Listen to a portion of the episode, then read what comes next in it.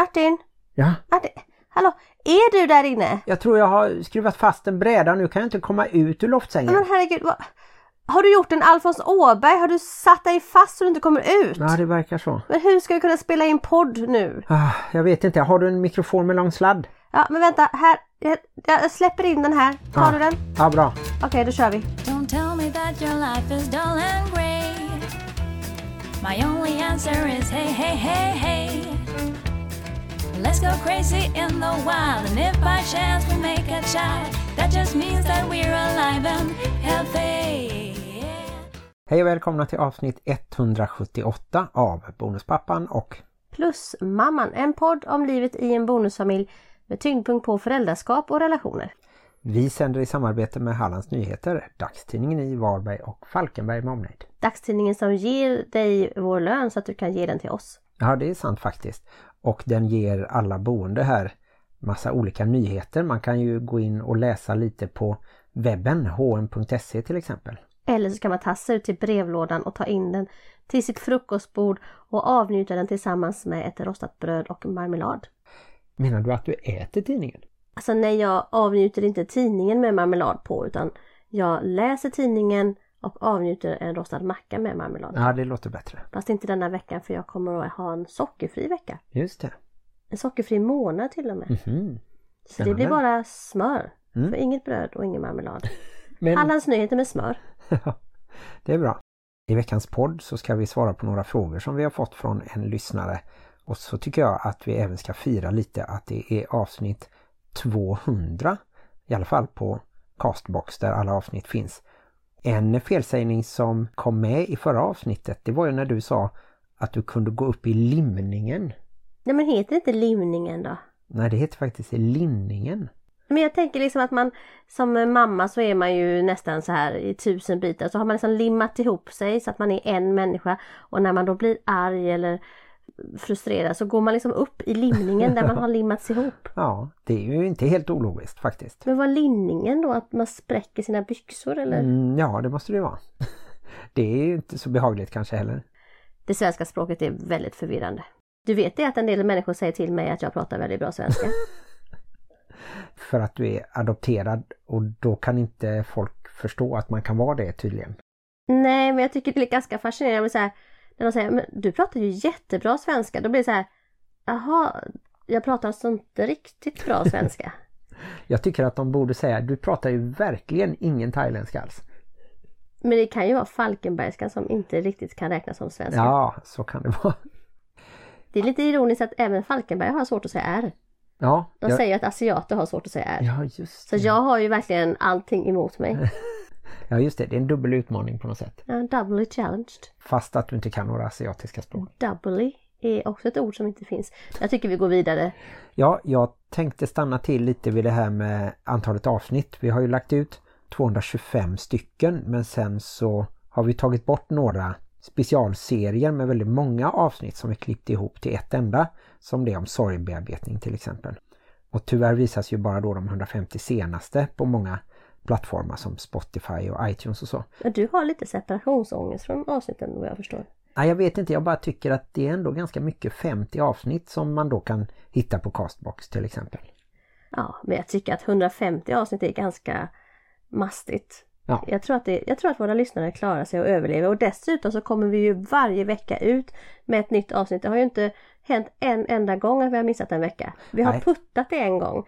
Det började på måndagar och nu är det på tisdagar. Just det är det det. enda som har hänt. Att en måndag där för länge sedan så var det några lyssnare som fick sig en obehaglig överraskning. De bara, vad hände egentligen? Och så blev det tisdagar. Och en av de lyssnarna, det var en lyssnare som hade hört alla avsnitt. Vi har ju fått in några eh, som har mejlat till oss och vi har även dragit en vinnare bland dem då som har hört alla våra avsnitt. Mm, du hade en liten specialtävling där som jag inte har någonting med att göra. Nej, och den som får boken Se och bli sedd skriven av Maria Klein som var med i avsnitt 129, det är Maria Holmgren. Tänkte du ha en trumvirvel där? Ja, jag kanske lägger in det efteråt. Det tycker jag du ska göra. Men Maria Holmgren, vad roligt. Hon har jag faktiskt haft lite kontakt med. Hon har skrivit till mig några gånger. Grattis! Jättekul att det var just du som vann. Ja, mejla din adress så postar vi boken till dig. Och jättekul att du har lyssnat på alla avsnitten. Hur mår du Maria? Känns det okej? Okay? Har vi påverkat ditt liv på något icke fördelaktigt sätt eller känns det okej? Okay? Mm, jag tror faktiskt att hon inte lever i en bonusfamilj, i alla fall inte nu. Gud, du får inte pausa sådär och bara, jag tror att hon inte lever. Blir jag väldigt chockad och ledsen och upprörd i den nanosekunden där. Men hon lever alltså. Ja, det är din hjärna som är lite för snabb ibland. Men hon lever inte i en bonusfamilj just nu, förstod jag det som. Nej, men ännu roligare då. Och jag tänker att våran podd riktar sig ju nästan till alla människor för att någonstans i sin barndom, omgivning, närhet så finns det någon ombildad familj på något sätt. Ja, och sen när vi pratar till exempel om hur man ska vara som förälder till tonåringar eller till mindre barn så funkar ju det även om man bor i en kärnfamilj. Det är ju lika svårt då. Ja, absolut. Ja, nu i veckan så har vi ju byggt en eh, loftsäng. Stor och tung och fin med lite båtkänsla som Helle ska ha i vårt gemensamma sovrum.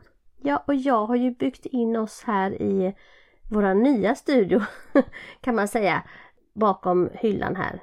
Och vi delar ju fortfarande rum med Helle men det känns som att det här rummet har blivit två rum nu. Ja, det är jättefint och vi har fått sova ensamma här lite eftersom vi skickade iväg Helle upp till hennes biologiska pappa i Stockholm. Det lät brutalt att vi skickade iväg henne. Det var väl snarare så att vi lät henne åka. Ja just det och eh, hon och hennes storebror på sin pappas sida testade att åka tåget själva för första gången. Och det är ju inte så svårt för det är inga byten från Göteborg där vi släppte av dem till Stockholm. Och det tar bara tre timmar. Och det som var extra roligt med det är ju att Helles storebrors mamma och Helles storebrors mammas sambo var här hos dig och hjälpte dig med våningssängen eller loftsängen när jag var borta. Ja, vi tackar eh, jättemycket för den snickerihjälpen. Det hade jag aldrig klarat själv. Jag är inte så händig heller. Men jag kan ju hjälpa till och skruva och tyda ritningar lite grann i alla fall. Jag kan ju nämna det att introt där om ni hörde det, det var inte jättelångt ifrån sanningen. Eftersom igår morse när jag stod och skulle baka så hör jag ett litet vrål uppifrån övervåningen där Martin skriker Kom och hjälp! Och när jag kommer upp så sitter han liksom inne i liksom byggnationen och håller upp taket på något sätt så här och har på lite sätt fastnat. Ja, det var ett trappsteg som jag försökte få fast och som jag inte riktigt klarade. Men det gick bättre när vi var två och sen den som faktiskt fastnade på riktigt det var George men det löste vi så han kom ut när han hade satt den sista brädan längst bak. På tal om George och det här med hur man benämner olika familjemedlemmar i bonusfamiljen så träffade jag ju min pappa här i veckan och han har ju lånat ut sin bil till George. Och min pappa är 88 år och han är världens underbaraste pappa men han är ju väldigt glömsk nu för tiden så han kommer ju inte ihåg att han har lånat ut bilen till George. Så jag får ju berätta det för honom varje gång. Och den här gången kände jag att jag inte orkade ta hela förklaringen med att George är Kevins mammas sambo. Så jag sa bara Kevins pappa George har bilen. Ja just det. Och den förklaringen nöjde sig pappa med för han kommer ju väl ihåg Kevin. Kevin mm. var ju hans extra bonusbarn där i många år. Så att vissa saker har liksom etsat sig fast, vem som är vem och sådär. Mm. Och de är alltid så hjälpsamma, dina föräldrar och är vana vid att eh, låna ut saker och ta hand om sina nära och kära. Mm. Och andra människor med för den delen. Jag minns många jular och högtider när vi tog hand om andra och såg till att andra hade det bra. Mm. Något mer som har hänt den här veckan som vi borde berätta om? Ja, vi kan väl berätta att det har varit en mammavecka. Vi var ju lite osäkra på det förra veckan vad det var för vecka och då var det ju inte mammavecka, då var det pappavecka. Men den här veckan har varit en mammavecka. Den har dessutom gått in i höstlovet. Men höstlovet däremot är på pappaveckan. Och idag när podden släpps så är vi ju en liten bit in, in i den höstlovsveckan och det verkar barnen tycka är väldigt skönt att få ett litet break från gymnasiet. Vi har ju en i ettan, en i tvåan och en i trean. Alla går estet. Mm. Och det var ju du som körde Kevin och Helle till stationen i Göteborg. Och sen hälsade du på din mamma och pappa. Medan jag var här hemma och flyttade extremt tunga möbler. Och jag hade fruktansvärt ont i kroppen när jag vaknade på morgonen sen. Ja, det blev en ganska lång dag det där men allt gick ju bra. Ja, och på tal om din pappa så tyckte jag det var himla mysigt när han sa att han ville komma hit nu i veckan på onsdag och hitta på någonting med Helle Ja, på lovet. Det är ju en sån bonusfamiljsgrej. Han är ju specialfarfar kallar vi honom. För det är väldigt långt att säga bonusfarfar. Han specialfarfar är ju också väldigt långt så att jag tycker vi kan dra ihop det till någonting boffa. Eller, eller någonting sånt där. Men det är himla mysigt att han tänker på våra barn och att han jobbar på den relationen. För så kan det ju vara i de relationerna som inte är självklara. Att man får jobba lite på dem. ja bor man en bit ifrån och eh, om man då inte har varit med sedan barnen föddes riktigt så är det lite svårare. Men eh, jag blev också väldigt glad över det och jag tror att Helle blev lite laddad också att förbereda för sitt Halloween-kalas som ska vara på torsdag eftersom vi sen ska åka till stugan i Småland lite över själva Halloween-helgen. Och hon har ju sin farfar långt bort och de träffas inte och han behöver vård och så. Så att det blir inte riktigt samma sak. Nej, så det är jättefint att din pappa vill steppa in och vara en specialfarfar. Mm. Ja, en vecka går ju väldigt fort och den försvinner också väldigt fort ur huvudet. Så att jag kommer nog inte på mer vad vi har gjort den här veckan. Men det är ju business as usual i bonusfamiljen på Västgötagatan kan man säga. Man vet inte riktigt vad det är för vecka, man vet inte riktigt vilka barn som är här, vilka som äter här, vilka som sover här och det, det är väl det som är den ständiga frågan varje morgon i våran gruppchatt som vi har i familjen. Mm. Ja, jag undrar om det är så i alla kärnfamiljer också att föräldrarna får jaga tonåringarna för att veta var de är och när de kommer hem. Antagligen är det så. Ja men det är säkert. Det är bara en liten större utmaning för att det i alla fall finns två hem där de pendlar emellan. Men tonåringar kan ju som sagt vara sova lite här och var och där och nu. Mm. Man vet inte varför och var de befinner sig. Mm. Och då går vi väl över till frågorna som vi har fått från en lyssnare. Ja, då blir det en liten frågestund. Det heter något speciellt i Youtube-sammanhang. Q&A, Questions and Answers. Q&A. Mm. Så jag tänkte att jag kan vara Q and you can be A. Ja, det får vi se. Det beror ju på vad det är för frågor. Ja. Så här kommer en fråga från en lyssnare och det är Hur gör ni med månadssparande till era barn? Ja, det har vi ju tyvärr inte pengar över att månadsspara till. Det är ju sant. Ja, nej men så har vi ju alltid haft det. Jag tror det handlar lite om hur man hade det i sin egen barndom. Jag tänker, hur hade du det? Sparade dina föräldrar pengar till dig och din bror? Nej, jag tror att vi fick eh, av farmor och farfar till exempel någon liten peng på julen eller sådär. Mm, Men sedan så tror jag att vi sparade lite pengar själva när vi sålde GT till exempel och sen när vi fick sommarjobb eh, när vi gick i högstadiet, gymnasiet och så. mm. Och det var nog lite lika för mig och min bror. Min bror har alltid varit en duktig och rekorderlig ung man så han har haft bra jobb och sparat pengar för sig själv. Och jag hade också mycket jobb men jag sparade inga pengar.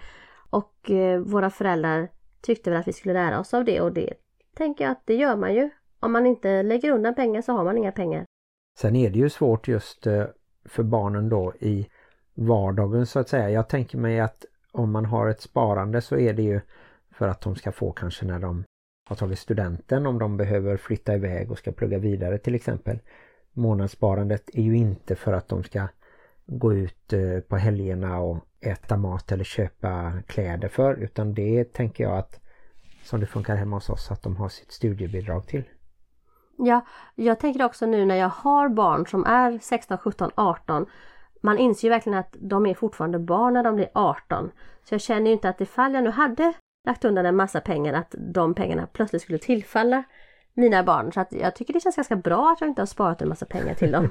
Att jag istället kan skämma bort dem liksom i nuet och göra saker tillsammans som familj eller ställa upp och köpa någonting när de vill ha det istället för att jag bara samlar pengar på hög. Men jag tänker att den här frågan rör ju lite det här med att man är bonusfamilj som att ifall jag och mitt ex då sparat till våra barn så vill ju kanske inte exet att jag skulle kunna ha tillgång till de pengarna och så har det ju varit att vi måste båda två innan barnen blir 18 vara med ifall det ska tas ut pengar från deras konto så där är det ju inga problem. Och sen när de blir 18 så tillfaller deras besparingar de själva. Ja just det och sen så blir det ju kanske lite olika då på om bara den ena av ursprungsföräldrarna träffar någon ny och får en annan ekonomi och då är frågan ska bonusföräldern betala så att den familjen betalar dubbelt så mycket då på något sätt men är man fler så har man ju fler utgifter också så att Nej, hos oss har vi i alla fall gjort så att alla får göra som de vill. Jag vet att det kommer in pengar på eh, mina barns konto från födelsedagspengar och julklappspengar och, och lite sånt och även besparingar. Men det är ju ingenting som jag kan tvinga någon annan att göra eller inte göra utan det får man ju utgå från sin egen familj och sin egen förmåga om man vill sätta undan pengar till barnen. Jag har ju ingen överenskommelse med mitt ex eller mina två ex i det här fallet att vi ska spara x antal pengar, det blir mycket x där. mm. Så, så har vi inte det utan vill man spara till barnen så får man göra det och det kan man göra riskfritt eftersom inte bara en förälder kan plocka ut pengarna. Ja just det. Det är ju bra att veta det att man skaffar ett sånt konto. Mm. Tycker vi att vi har svarat på den frågan? Ja det handlade ju lite också om det här om barnen jämför sig med kompisar och om kompisarna har mycket pengar eller får mycket pengar från sina föräldrar för att de kanske har väldigt mycket högre inkomster och sådär. Och så är det ju alltid egentligen att det kan bli jämförelser och det kan vara i skolan och det kan vara vissa kläder och skor som alla vill ha som kostar väldigt mycket och då så det kan ju vara lite jobbigt det där och det får man ju som förälder försöka parera tror jag. Och sen får man ju till slut tänka att det viktiga är ju till exempel inte vad man har på sig eller ser ut utan det är ju hur man är som människa. Mm, det tycker jag också du har rätt i.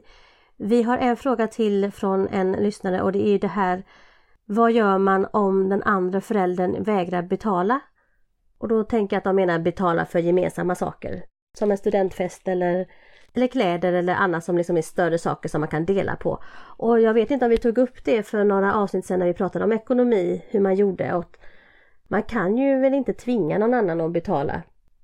Jo, alltså är du vårdnadshavare så har du ju försörjningsplikt tills barnen har antingen gått ut gymnasiet eller slutat studera på gymnasial nivå fram tills de var, var det 20 eller 22? Det var ju faktiskt inte bara 18 och att de blir myndiga utan eh, även om barnet är myndigt och kan kallas vuxen då så länge de pluggar så har eh, vårdnadshavarna eller föräldrarna försörjningsplikt så att eh, där tycker jag nog visst en förälder kan säga att jag har inte råd att ha en studentfest och då får man väl lösa det på något sätt men jag tycker ju att då får man väl gå och be om att ha samarbetssamtal om det är så att en förälder trots att den har pengar inte är med och köper till exempel en cykel eller eh, nya regnkläder eller sånt där som kanske kostar lite mer och som man borde dela på då. Jag minns att vårt tips då när vi hade det här snacket om ekonomi var ju att man förberedde i alla fall att man sa att nu behövs det här. Kan vi dela på det? Så att man inte får det som en överraskning att nu har jag köpt det här, nu ska vi dela på det här. Ja just det, det är ju faktiskt eh, mycket bättre och då om någon säger att de inte har råd och man tror på det då kanske det får vara så också att den som har lite mer pengar får betala lite mer. Ja, eller att man kan avvakta en stund och säga att ja, då får vi väl vänta med det just Mm, nu. mm. Så det är ju inte alldeles enkelt såklart. Men samarbetssamtal finns ju att få och även ekonomisk hjälp kan man också få. Alltså inte bara att man får pengar utan man kan få hjälp med sin ekonomi från kommunen. Ja just det. Och reda lite i det vad som ska gå till vad. Och jag tror att man kan komma dit både som familj och då borde man ju kunna komma som två familjer om samma barn ingår i. Ja det tycker jag också. Ja. Annars så tycker jag att kommunen ska fixa det. Bonusfamiljs ekonomistöd. Mhm.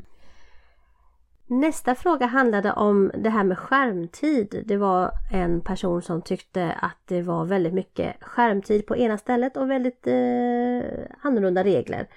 Så jag tänker att egentligen kan man ju dra ihop det till en fråga om alla regler och det har vi också pratat om tidigare att det är väldigt svårt att bestämma hur en annan familj ska ha det och att man, man kan egentligen bara bestämma hur det är hemma hos en själv. Däremot hade vi ju en barnpsykolog med i ett avsnitt som faktiskt rekommenderade att man försökte ha liknande regler på båda ställena. Ja, det var väl Caitlin Mooney i Halmstad? Mm, precis. Ja, men det minns jag. Jag tror att just det här med skärmtid är ett bra exempel för att det är också någonting som inte fanns när vi själva växte upp. Så jag tror faktiskt att föräldrar har lite svårare att acceptera det. Och jag kan bara se till mig själv att jag tycker att jag var så mycket utomhus till exempel när jag kom hem från skolan. Jag gjorde väl mina läxor om jag behövde, även om jag kanske kunde klara av dem ganska snabbt. Så känns det som jag var uppe i skogen eller jag var ute och spelade fotboll och lite sådär. Och jag hade ingen dator ens när mina kompisar började få sådana här Commodore 20, VIC 20 och VIC 64. 128. Ja, du är ju lite yngre så du hade lite finare datorer. så att just det där med skärmtid, det var ju motsvarade kanske lite mer tv-tid för oss då. Att man kanske fick se på en timme. Men du kanske inte ens hade tv, du kanske inte ens hade färg-tv i alla fall. TVns genombrott i Sverige, vet du när det var? Och varför? Det var väl under fotbolls-VM någon gång? Ja, 1958 på hemmaplan där Sverige slog Tyskland i semifinalen. Kurre Hamrin gjorde ett berömt mål och sen så mötte Sverige Brasilien med Pelé. Det var första gången han var med i VM och Brasilien vann med 5-2. Nu gör du eh, dig själv en björntjänst för du sa det så levande som om du var vid medveten ålder då och du var inte ens i någon ålder alls 1958. Nej, min pappa var 16 år däremot. Martin är inte 79 år gammal. Men det är därför som jag tänker lite att just skärmtid kan vara lite svårare då. Men om man tänker så att det är en stor del av barnens sociala liv att de kanske har ett utbyte med en kompis som bor några kilometer bort. Och vi kan tycka att det är roligare att de träffas och det är roligare då att de hittar på saker även utan att ha sina appar igång, TikTok och Snapchat och, och de här olika. Så tror jag ändå att eh, man får acceptera att världen ser lite annorlunda ut. Precis, och vi hade ju med Maria Duva i ett avsnitt tidigare och där berättar hon ju faktiskt om vissa missförstånd som vi föräldrar har om vad våra barn gör på nätet. De är ju väldigt sociala på nätet. Och om man bara gör det snyggt och på ett bra sätt så är ju inte det digitala och skärmvärlden något negativt. Utan det kan ju vara något riktigt positivt. Och man kan träffas via de sociala medierna även om man inte har tid att komma till varandra. Så ibland så kanske det ser ut som att ett barn sitter och bara är ensam men den kanske träffar fem stycken. Ja och sen så har Maria Duva också berättat att man som förälder behöver ju ha lite insyn i eh, till exempel vad barnen lägger ut så att man kanske ska skaffa så att man har TikTok eller Snapchat själv och hålla lite koll för att det finns ju även kriminella element ute som rör sig och eh, tyvärr kan eh, kontakta våra barn. Precis. Så att utbilda sig själv i vad det finns för sidor och vad man kan göra på nätet. Det är väl en rekommendation så att man inte stannar kvar där 1958 och tror att världen är svartvit. Mm. Avslutningsvis så kan väl jag tycka att det är en onödig konflikt som blir med den andra föräldern då om man har väldigt olika regler och då är det bättre att försöka prata eller om man har svårt att prata att man kanske kan smsa och bestämma någonting och säga att våra barn mår nog bra av att göra annat också. Man kan inte förbjuda skärmarna helt men samtidigt är det så att man kan inte lära sig läsa om man aldrig läser. Man behöver repetera om man ska komma någon vart i matematiken till exempel då behöver man kunna lite grundläggande huvudräkning för att förstå vad som är rimligt och så. Och det kan man kanske inte lära sig heller om man aldrig övar på matte. Men man kan ju läsa på en skärm. Det tänker jag ibland att varför är det så mycket finare att sitta med en tidning än att sitta med en skärm? Nej det är det inte så att det tycker jag är bra. Finns det till exempel läsprogram eller matteprogram eller som jag har märkt att barnen nu är så mycket bättre på engelska eftersom de möts av det hela tiden. Så där kan det ju vara faktiskt en fördel om man kan liksom få in det i iPaden till exempel. Nästa fråga handlar om det här med gemensamma barn och sorgen över att inte kunna få fler barn tillsammans. Vad tänker du där Martin? det tror jag att jag har sagt i podden förut att jag inte har haft någon sån tydlig biologisk klocka att jag måste få egna barn innan en viss ålder eller så. Och nu så har jag haft lätt att acceptera att du och jag inte kommer få några biologiska barn. Och jag kan gå in helhjärtat för mina bonusbarn. Och jag tycker fortfarande att det är en fördel att de är nummer ett för mig. Även om jag inte är nummer ett för dem så att säga. Mm, det var fint sagt. Jag tänker att detta handlar inte bara om att vara i en bonusfamilj utan det kan ju vara så att man inte kan få fler barn även i en biologisk familj och då blir det ju en process som man kanske måste ta hand om och, och bearbeta. Och det är väl bra att göra det på olika sätt som passar en själv bra. Att acceptera läget tänker jag. Nu är det så här. Och jag hörde en gång en klok kvinna som sa att barn är ju inte en rättighet utan det är ju en gåva. Och det är inte så att man kan beställa barn oavsett vilken familj man lever i, om man lever ensam eller om man lever i en samkönad familj eller i en mamma, pappa, barn, kärnfamilj eller en bonusfamilj så är det ju inte någonting som man kan bara trycka på en knapp och så får man ett barn. Nej, och sen kan jag verkligen förstå då till exempel om man träffas och verkligen vill ha ett barn och att en av personerna då kanske inte vill ha fler barn. Det kan ju vara den som redan har lite vuxna barn och tycker att nu har jag tagit mig igenom den tiden och mitt äktenskap höll inte men jag vill fortsätta vara förälder men jag vill inte börja om med ett nytt litet barn. Och då kanske den mannen eller kvinnan som inte har barn och som kanske är yngre måste på något sätt acceptera att ska jag stanna i relationen då kommer jag inte bli biologisk förälder och då kanske det låter lite cyniskt men då tror jag till slut att man måste välja. Vad är viktigast? Är relationen viktigast eller är det viktigare att man får ett eget barn? Och då kanske det blir så att det till slut väger över och att man känner det att ja, men det är så viktigt för mig oavsett om det är en man eller kvinna att jag får bli biologisk förälder, att jag får ett eget barn som jag kan älska på ett lite annorlunda sätt än bonusbarnen. Och då får man av sluta den relationen och det, det är ju alltid tragiskt men det händer ju varje dag att folk gör slut oavsett om de är föräldrar eller inte.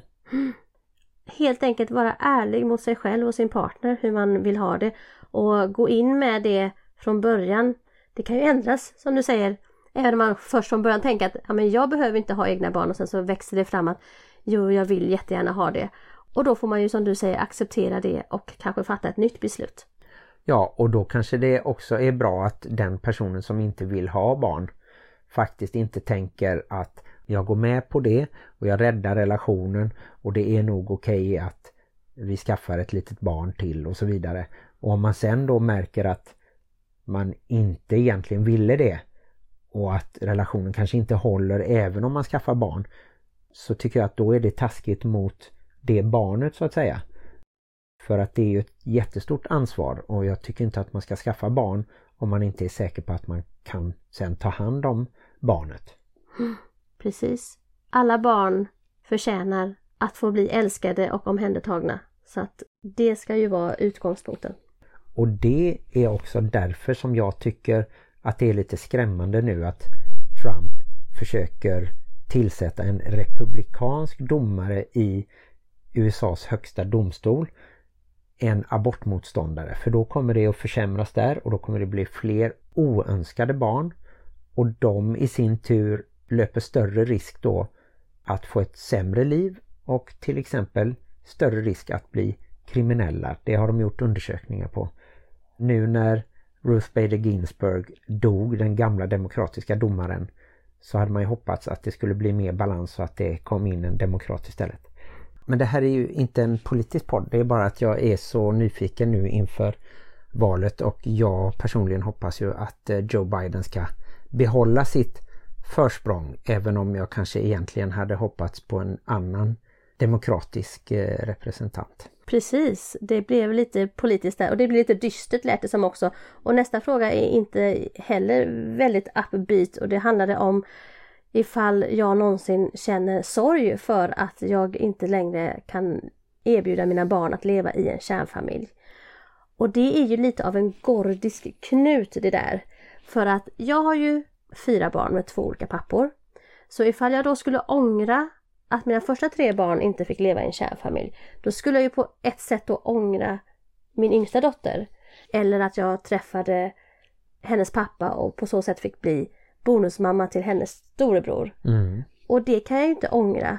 Så att på sätt och vis så går ju inte den frågan att svara på. Ångrar du det eller ångrar du inte det? Självklart ångrar jag inte mina barn och jag ångrar inte att jag fick vara Kevins bonusmamma. Och jag kan ju bara säga det att ibland finns det stunder då jag kan känna ett litet så sting av sorg att attan att mina barn inte fick växa upp med en mamma och en pappa och dittan och dattan. Men de fick ju en jättehärlig bonuspappa och alla saker som vi har upplevt tillsammans som inte hade kunnat upplevas annars. Mm. Så att svaret är ju egentligen nej, jag ångrar inte att mina barn inte kan växa upp i en kärnfamilj. Men jo, det finns stunder då jag kan tänka på det. Mm. Bra svar. Bra svar, tack! Ångrar du att du inte lever i en kärnfamilj Martin?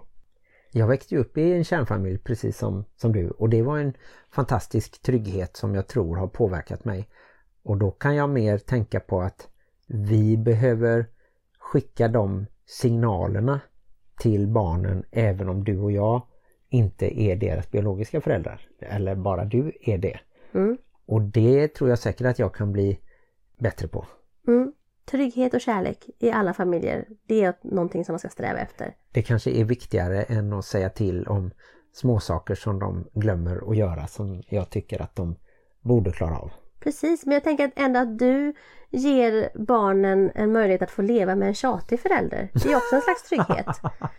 Det är ju en sån här... Eh, det.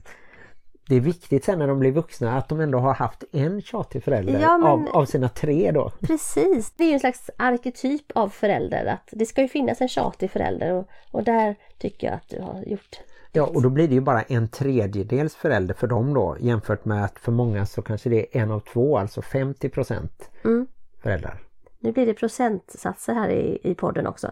Vi går vidare till nästa fråga och det är Tror ni att det är krångligare och mer bråkigt i en bonusfamilj än i en vanlig familj? Och med vanlig menar de då antagligen kärnfamilj. Och jag kan ju inte svara på det. Det kan ju vara oerhört bråkigt i en kärnfamilj och oerhört krångligt och det är ju därför den inte funkar alltid och man går isär. Sen så har vi ju sagt att det ingår ju fler människor i en bonusfamilj. Eftersom det är ex och det är nya och det är hej och hå och hans farbror och hans faster. Så att det blir ju mer komplicerat men överlag behöver det ju inte vara mer krångligt och mer bråkigt egentligen. Nej, jag tycker också det att det är svårt att generalisera så. För jag menar det kan vara en kärnfamilj där något barn har en diagnos och de behöver uppmärksamhet och hjälp och stöd. Och eh, det kan som sagt vara att föräldrarna bråkar mer om de är då på väg att separera till exempel. Och det kan vara jättejobbigt för barnen. Än om de då väl har landat i en bonusfamilj där man då förhoppningsvis kan få en stabilitet och trygghet och där föräldrarna älskar varandra väldigt mycket mer än vad den biologiska föräldern gjorde i sin tidigare relation. Mm, så kan det ju vara. Och jag har ju faktiskt hört en hel del barn som har blivit vuxna som har berättat att det blev mycket lugnare när mamma och pappa skildes åt. Att de faktiskt inte hade velat att deras föräldrar skulle fortsatt tillsammans för deras skull eller så. så att jag vet inte om det är ett svar på den frågan. Om eh, det är krångligare och bråkigare i en bonusfamilj eller inte. Jag kan väl bara säga att i och med att det är fler människor inblandade så är ju ekvationen som sådan att det kanske finns fler olika kombinationer av bråk och krångel helt enkelt. Ja, och om man inte ska lägga någon skuld alls på barnen utan om man bara ser till föräldrarna så tror jag nog att en bra förälder kan även vara en bra bonusförälder. Och jag säger inte att jag är bra varken eller. Jag är bara bonusförälder nu och jag vill vara en bra bonusförälder. Men du till exempel som är en bra biologisk förälder Åh tack! då tänker jag att du har även varit en bra bonusförälder och nu är du en bra plusförälder som har kontakt med sitt tidigare bonusbarn då, Kevin som är Helles storebror på sin pappas sida. Men däremot så tror jag att en förälder som inte är så bra, kan den föräldern, om han eller hon kommer in i en bonusfamilj, kanske inte få till det där heller. Och då är det ju svårare, för det är ändå en utmaning att leva ihop när man inte har känt varandra lika länge. Mm. Tack för det första för att du tycker att jag har varit en bra bonus och biologisk förälder. Jag ska väl ärligt säga att jag har varit eh, både och. Och jag får väl kanske säga med facit i hand att jag hoppas att jag har varit good enough. För att man kan inte vara perfekt som människa och som förälder. Man kan bara göra sitt bästa och enligt Kai Pollak så gör vi alltid vårt bästa. Man kan aldrig göra mer än sitt bästa. För det är det som man gör helt enkelt. Och det tycker jag är ganska trösterikt i de stunder där man inte riktigt har räckt till. Och eh, jag tänker också att man kan utvecklas och lära sig och det gör man ju i relation till andra människor. Träffar man nya människor så lär man sig nya saker och får nya utmaningar. Så att jag tycker inte att man automatiskt ska säga att det är bråkigare och krångligare i en bonusfamilj utan det kan vara större utmaningar men också att man kan lära sig så fantastiskt mycket mer när man öppnar upp och tar in andra människor. Det blir som att i en kärnfamilj så kanske det blir instängt helt enkelt. Man bara lär sig det som de människorna precis där lär sig. Mm. Mm. Ja och med den frågan så avslutar vi dagens Q&A. Jag kanske la mig i och var lite ej. Men du kanske har någon Q kvar till lyssnarna eller till mig? Har du en fråga någonstans där inne i ditt rutiga hjärta? Nej, inte i detta avsnittet. Jag gillar att få frågor. Oftast är det jag som frågar dig frågor. Men jag gillar också att höra dina svar. Så att jag gillar allt. Jag är så oerhört kärleksfull och glad idag. Vad härligt. Ja, PMSen är över. Ja, det är lite skönt. Va?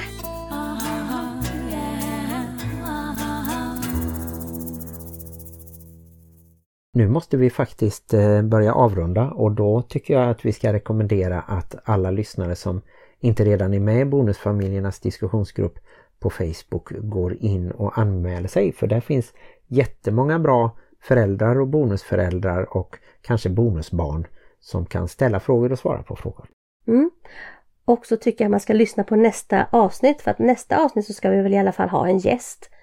Ja, och jag tror att det kommer vara en gäst vars man är utomlands och utlandsfödd. Spännande. Men kanske är på väg tillbaka till Sverige. Undrar om han pratar bra svenska? Det vet vi inte. Nej. Ni kan ju alltid nå oss via våra sociala medier. Den vanliga Facebook-sidan Bonuspappan och Plusmamman. Där kan man skicka PM. Och på Instagram bonuspappan.plusmamman. Där kan man skicka DM. Och eftersom jag har total kontroll över vad som kommer in i den här podden och inte så kan jag säga att man kan den här veckan och fyra veckor framåt följa mig på Plusmamman, mitt Instagramkonto. För där kan ni få varje dag ett helt nytt socker och vitt mjölfritt recept från mig. Men det har väl inte alls med en bonusfamilj att göra? Men det är väl härligt med sockerfria bonusfamiljer? Ja, det kanske skulle bli lite lugnare av det faktiskt. Ja. Man vet aldrig. Men så är det och jag bestämmer så jag får säga det om jag vill. Mm. Följ med på Plusmamman. På Instagram. Glöm inte att livet i bonusfamiljen kan vara besvärligt. Men också härligt. Hej då!